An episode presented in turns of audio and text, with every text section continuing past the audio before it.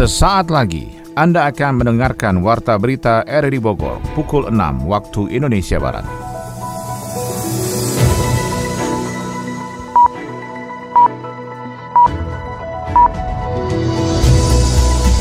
Selamat pagi dan salam jumpa. Kami kembali hadir menyapa Anda dalam Warta Berita edisi Jumat 13 Agustus 2021 yang Anda bisa dengarkan lewat audio streaming pada aplikasi RRI Play di smartphone Anda dan juga turut disiarkan Radio Tegar Beriman Kabupaten Bogor.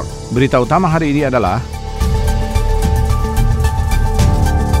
Presiden Jokowi menganugerahkan bintang jasa kepada 325 tenaga kesehatan yang gugur karena merawat pasien COVID-19.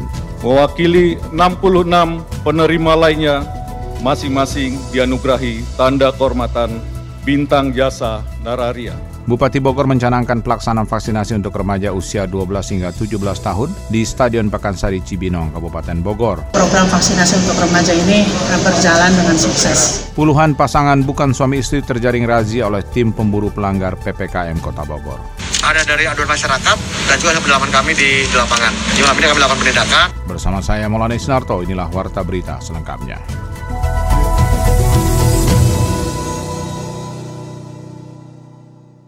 Keputusan Presiden Republik Indonesia nomor 76, 77, dan 78 TK tahun 2021 tentang penganugerahan tanda kehormatan Bintang Mahaputra, Bintang Budaya Paramadharma, dan Bintang Jasa dengan rahmat Tuhan Yang Maha Esa. Presiden Jokowi menganugerahkan bintang jasa kepada 325 tenaga kesehatan yang gugur karena merawat pasien COVID-19.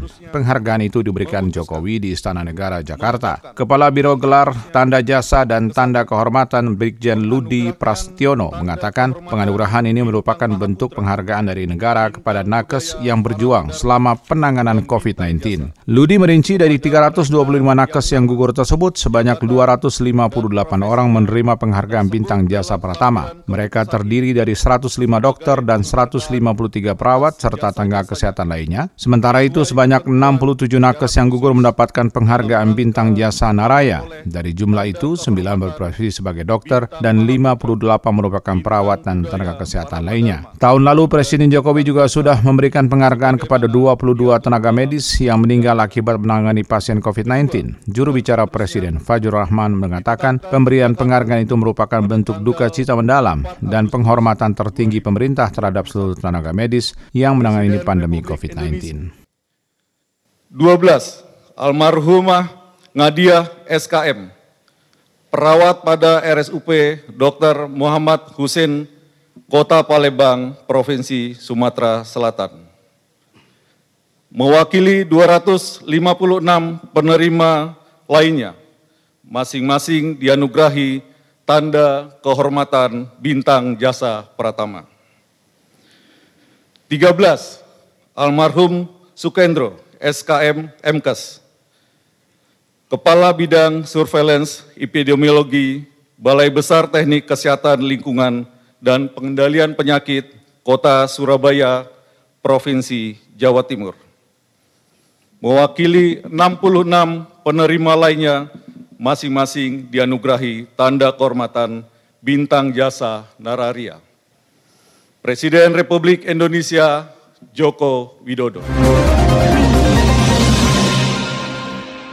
Beralih ke informasi dari Bogor, kali ini soal Bupati Bogor Ade Yasin mencanangkan pelaksanaan vaksinasi untuk remaja usia 12 hingga 17 tahun di Stadion Pakansari Cibinong, Kabupaten Bogor. Kegiatan yang dimotori kantor cabang Dinas Pendidikan Jawa Barat itu menargetkan vaksinasi COVID kepada 5.000 pelajar SMP dan SMA se-Kabupaten Bogor. Kita ikuti laporan Yofri Haryadi. Capaian jumlah warga yang divaksin COVID-19 se-Kabupaten Bogor sudah di atas 900 ribu warga dan belum mencapai 20 persen sebagai syarat minimal minimal terbentuknya herd immunity satu daerah. Namun demikian, upaya percepatan terus dilakukan dengan melibatkan seluruh jajaran Forkopimda Kabupaten Bogor. Dijelaskan Bupati Bogor Ade Yasin dalam gelar vaksin massal untuk pelajar dan remaja di Stadion Pakansari Cibinong Kamis pagi. Kegiatan yang dimotori kantor cabang Dinas Pendidikan Jawa Barat tersebut mentargetkan vaksinasi COVID kepada 4.000 pelajar tingkat SLTA di Kabupaten Bogor, menyusul kemudian anak-anak, ibu hamil, dan menyusui. Bupati Ade Yasin menambahkan untuk saat ini pihaknya belum dapat menerapkan wajib vaksin COVID untuk masuk ke mal atau pusat keramaian lainnya karena jumlah warga yang telah divaksin belum mencapai 20 persen. Berbeda dengan DKI Jakarta yang 70 persen warganya telah divaksin. Kita memulai vaksinasi untuk remaja dan hari ini pencanangannya kita akan terus melakukan vaksinasi untuk remaja ke semua sekolah SMP dan SMA. Semua pasti kebagian. Kita laksanakan bertahap karena eh, tergantung ketersediaan vaksinnya. Ini juga kalau terlalu banyak serentak juga kan nanti menimbulkan kerumunan yang mungkin tidak akan terkendali. Tapi kalau setiap pertemuan 6.000, 6.000, 6.000, ya mudah-mudahan ini terkendali seperti hari ini begitu.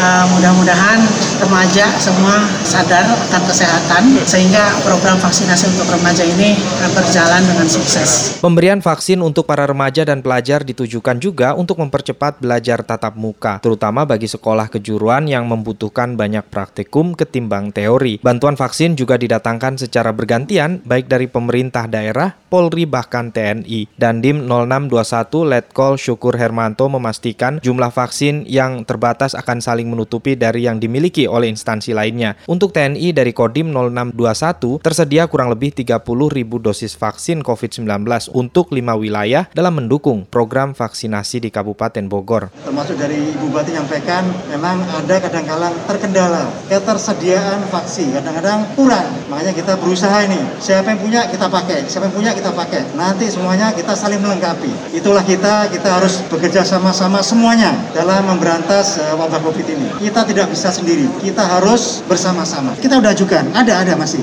Kemarin kita baru dapat 30 ribu vaksin tapi untuk lima wilayah. Kota Bogor Kabupaten Bogor kota Cianjur kota Sukabumi dan Kabupaten Sukabumi. Itu ada 30 ribuan. Jadi saya pikir tidak ada masalah. Capaian target vaksinasi di daerah bergantung dari ketersediaan vaksin yang diberikan pemerintah pusat. Pelaksanaan vaksin yang berlangsung di tiap kecamatan dan puskesmas sekabupaten Bogor pun ditingkatkan dari semula 2.000 menjadi 4.000 orang per kecamatan pada program vaksin rutin setiap Senin dan Kamis. Kota Depok, Jawa Barat saat ini sudah memasuki zona orange atau resiko sedang tingkat penularan COVID-19 setelah sebelumnya zona merah atau resiko tinggi. Juru bicara Satgas COVID-19 Kota Depok, Dadang Bihana di Depok mengatakan per tanggal 8 Agustus 2021, Kota Depok memiliki skor 181 dari sebelumnya 171. Data itu menunjukkan beranjaknya Kota Depok dan zona dengan resiko tinggi ke zona resiko sedang. Selain Depok, wilayah lainnya di Jabodetabek yang sudah memasuki zona orange dari sebelumnya zona merah antara lain Kota Bogor, Kabupaten Bogor, Kabupaten Tangerang, dan Kota Tangerang Selatan. Siska! Eh, Dewi, lagi belanja juga? Iya nih, kan lagi pandemi kayak sekarang kan kita harus lebih ekstra jaga imun. Makanya belanja buah sama sayur buat keperluan di rumah. eh, ngomong-ngomong, kamu nggak pakai masker? Kan kemarin aku udah disuntik vaksin covid, jadi aman lah. Gak usah pakai masker juga kan. Soalnya kalau pakai masker, aku nggak kelihatan cantik. Oh, hati-hati. Walau udah vaksin, tetap aja harus jaga protokol kesehatan. Nggak boleh loh diabein. Contohnya nih, rekan kantor aku aja udah divaksin, masih tetap terkena virus covid. Wah, serem juga ya. Kalau gitu, aku beli masker dulu ya. Tetap harus pakai masker ya, mencuci tangan, dan menjaga jarak aman. Vaksin bukan obat untuk menyembuhkan COVID-19. Untuk itu, tetap patuhi protokol kesehatan, memakai masker, menjaga jarak, mencuci tangan, menjauhi kerumunan, dan mengurangi mobilitas.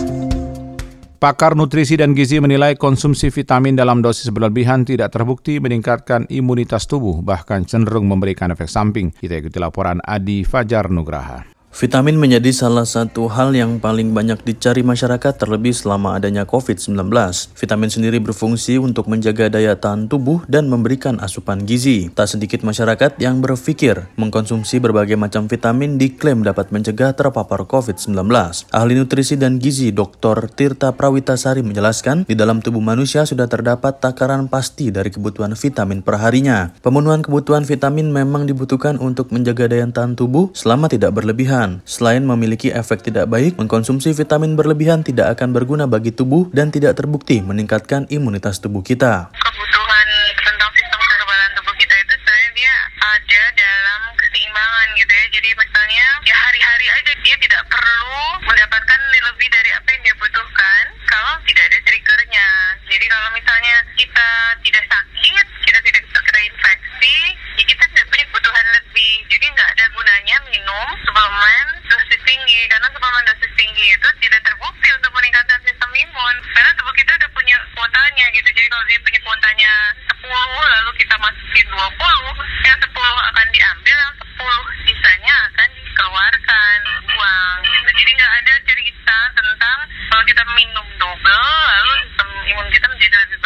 Vitamin merupakan penunjang imunitas jika dikonsumsi dalam dosis yang tepat. Selain itu, pemenuhan kebutuhan makanan yang bergizi dan bernutrisi serta rajin berolahraga juga penting untuk menjaga daya tahan tubuh seseorang agar terhindar dari penyakit. Puluhan pasangan bukan suami istri terjaring razia oleh tim pemburu pelanggar PPKM Kota Bogor. Berikut Adi Fajar melaporkan. Tim pemburu pelanggar PPKM Kota Bogor mengamankan 24 pasangan bukan suami istri di sebuah hotel di kawasan Tanah Sareal pada Rabu malam. Razia itu melibatkan aparat gabungan dari Polresta Bogor Kota, Kodim 0606 Kota Bogor, dan Satpol PP Kota Bogor. Petugas menemukan sejumlah barang bukti berupa alat kontrasepsi dan bukti percakapan transaksi prostitusi online melalui aplikasi pesan instan pada handphone pasangan itu. Kepala Satpol PP Kota Bogor Agustiansyah menjelaskan, penindakan petugas didasari atas laporan warga yang melihat pasangan muda-mudi keluar masuk hotel. Puluhan pasangan bukan suami istri itu pun langsung ditindak dan dibawa petugas untuk dimintai keterangan. Kita melakukan razia kepada satu penginapan yang terindikasi banyak melakukan banyak menerima tamu-tamu yang memang untuk melakukan hal-hal yang tidak sesuai dengan. Ini ada dari aduan masyarakat dan juga ada pendalaman kami di, di lapangan. Di malam ini kami lakukan penindakan, kita dapati ada beberapa pasangan yang bukan pasangannya di dalam kamar. Kita menjaga supaya juga dalam situasi COVID seperti ini semua bisa taat, taat pada aturan. Petugas mengenakan sanksi tindak pidana ringan terhadap 24 pasangan bukan suami istri tersebut sesuai dengan Perda nomor 1 tahun 2021 tentang ketertiban umum dan ketentraman masyarakat. Masyarakat juga diminta untuk tetap patuh terhadap aturan PPKM di masa pandemi ini untuk memutus mata rantai penyebaran COVID-19.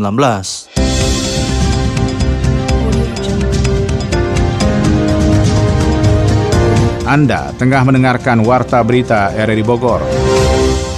DPRD Kota Bogor meminta Pemkot Bogor menjalankan aturan PPKM level 4 dengan tidak mempersulit aktivitas masyarakat. Sony Agung Saputra melaporkan. Pelaksanaan PPKM level 4 yang terus berlanjut mendapat tanggapan kritis dari DPRD Kota Bogor. Ketua Pansus COVID-19 2020 DPRD Kota Bogor Kair Nain Azhar mengingatkan, penanganan COVID-19 di masyarakat jangan sampai membuat kesulitan rakyat dalam beraktivitas, terutama dalam kegiatan sosial kemasyarakatan dan ekonomi. Perlu ada cara agar agar mempermudah aktivitas masyarakat terutama dalam mencari rezeki dalam kegiatan ekonomi. PPKM prinsipnya adalah harus mengedepankan pengaturan yang memungkinkan stelsel kehidupan masyarakat tetap memiliki ruang untuk beraktualisasi. Di sisi lain, pemerintah harus bisa memberikan politik anggaran yang berpihak kepada kepentingan eksistensi dari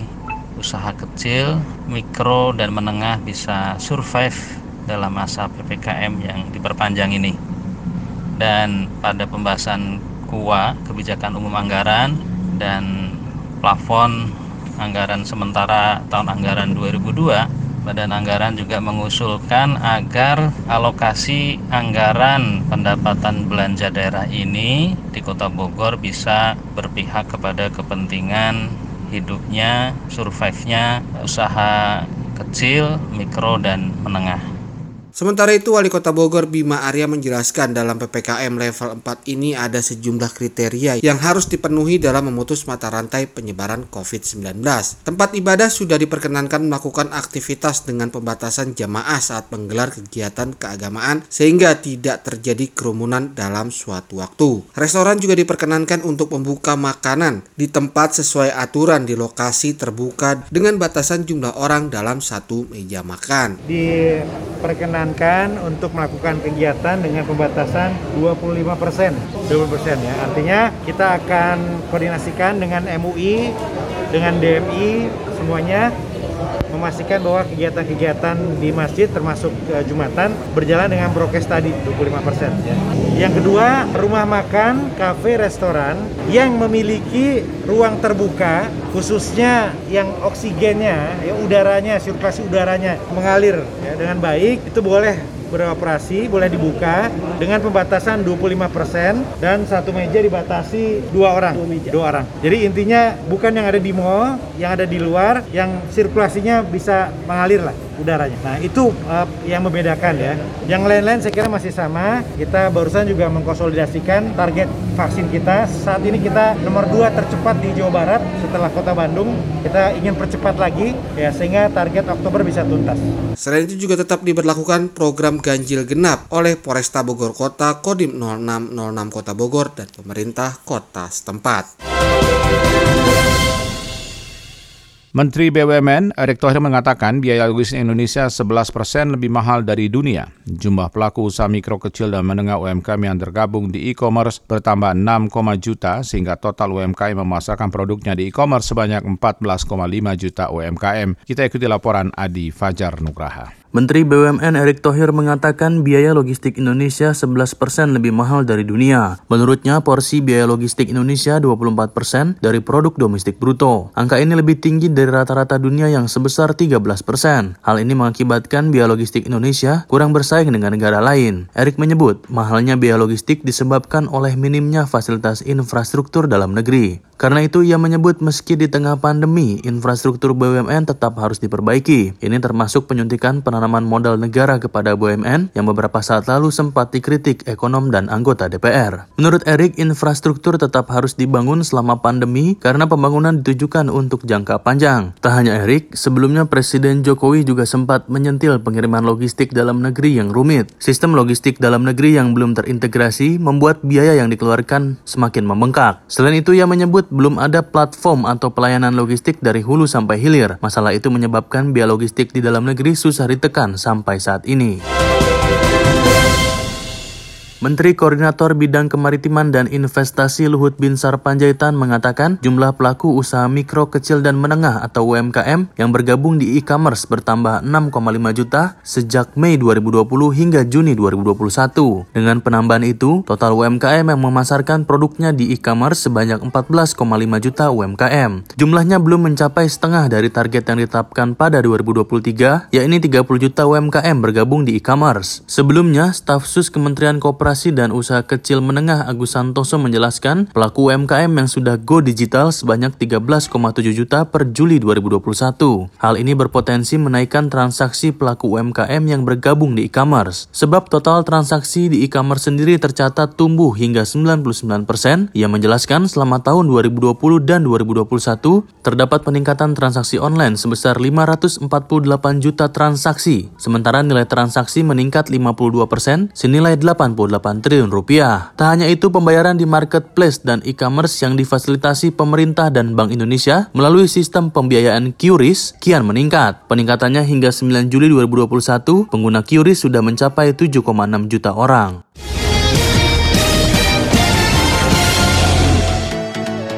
Komite Olahraga Nasional Indonesia Kota Bogor mengajukan permohonan kepada Wali Kota Bogor Bima Arya agar para atlet yang sedang persiapan berlatih menuju babak kualifikasi Pekan Olahraga Provinsi 14 Jawa Barat diperbolehkan menggunakan sarana olahraga milik pemerintah.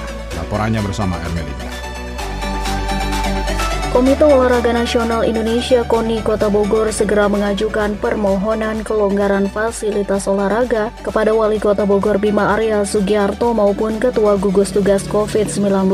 KONI berharap para atlet yang sedang persiapan berlatih menuju babak kualifikasi Pekan Olahraga Provinsi BK Porprov ke-14 Jawa Barat 2021 diperbolehkan mempergunakan sarana olahraga milik pemerintah. Kepala Bidang Prestasi KONI Yudi Wahyudi mengatakan semua atlet yang telah dipersiapkan sudah melaksanakan vaksinasi. Bahkan prokes juga sudah dijalankan dalam berlatih. KONI Kota Bogor akan berusaha mengajukan kepada pemerintah kota dalam hal ini Satgas Kota Bogor untuk memberikan pelonggaran terhadap kegiatan pembinaan olahragaan mengingat hampir seluruh atlet pelatih yang dipersiapkan Kota Bogor menuju babak kualifikasi Propos itu sudah menjalani vaksinasi baik dosis satu maupun dosis kedua. Jadi cabang-cabang olahraga yang memiliki uh, training camp sendiri di luar milik pemerintah ada yang sudah menjalankan menjalankan program latihan. Yang pertama mereka melaksanakan swab terlebih dahulu, yang kedua memastikan atlet sudah vaksinasi full lengkap dosis satu dosis dua dan mereka menjalani secara training camp itu pun hanya ada beberapa cabang olahraga tapi bagi yang tidak melakukan hal serupa dikarenakan kemampuan anggaran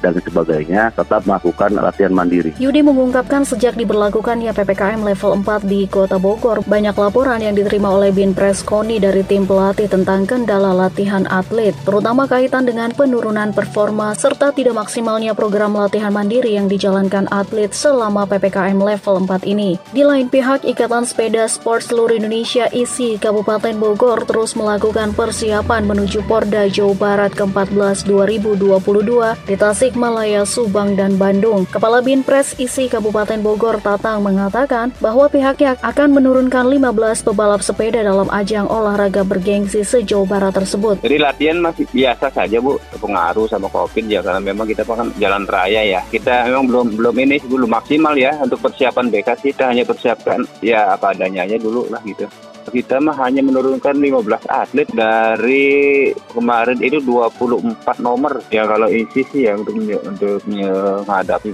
Porda Porda 2022 kemarin. Ya kita kan sebisa mungkin mempertahankan juara. Karena kita kan lima, lima kali Porda juara. Terus untuk tahun ini kan karena memang banyak kendala ya. Ya kita agak gimana ya agak pesimis tapi optimis juga gitu loh. Ya mudah-mudahan tercapai lah gitu ya. Minimal memperoleh medali lah. Medali yang sudah kami sampaikan ke, ke KONI sebetulnya kan 6 hanya 6 dulu nih. Biasanya okay. kan 9 saya, 9 sampai 10 lah. Karena memang ini eh, kekuatan PD ini di Jawa Barat sudah merata semua. Tatang menambahkan atlet yang akan diterjunkan dalam kejuaraan tersebut sudah sesuai dengan regulasi batasan usia U21. Sudah ada 10 pebalap yang akan menjadi andalan isi Kabupaten Bogor di ajang Porda Jabar ke-14 tahun 2022.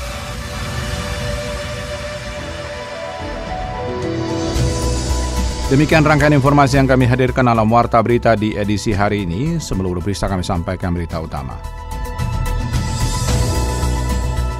Presiden Jokowi menganugerahkan bintang jasa kepada 325 tenaga kesehatan yang gugur karena merawat pasien COVID-19. Bupati Bogor mencanangkan pelaksanaan vaksinasi untuk remaja usia 12 hingga 17 tahun di Stadion Pakansari Cibinong, Kabupaten Bogor. Puluhan pasangan bukan suami istri terjaring razia oleh tim pemburu pelanggar PPKM Kota Bogor.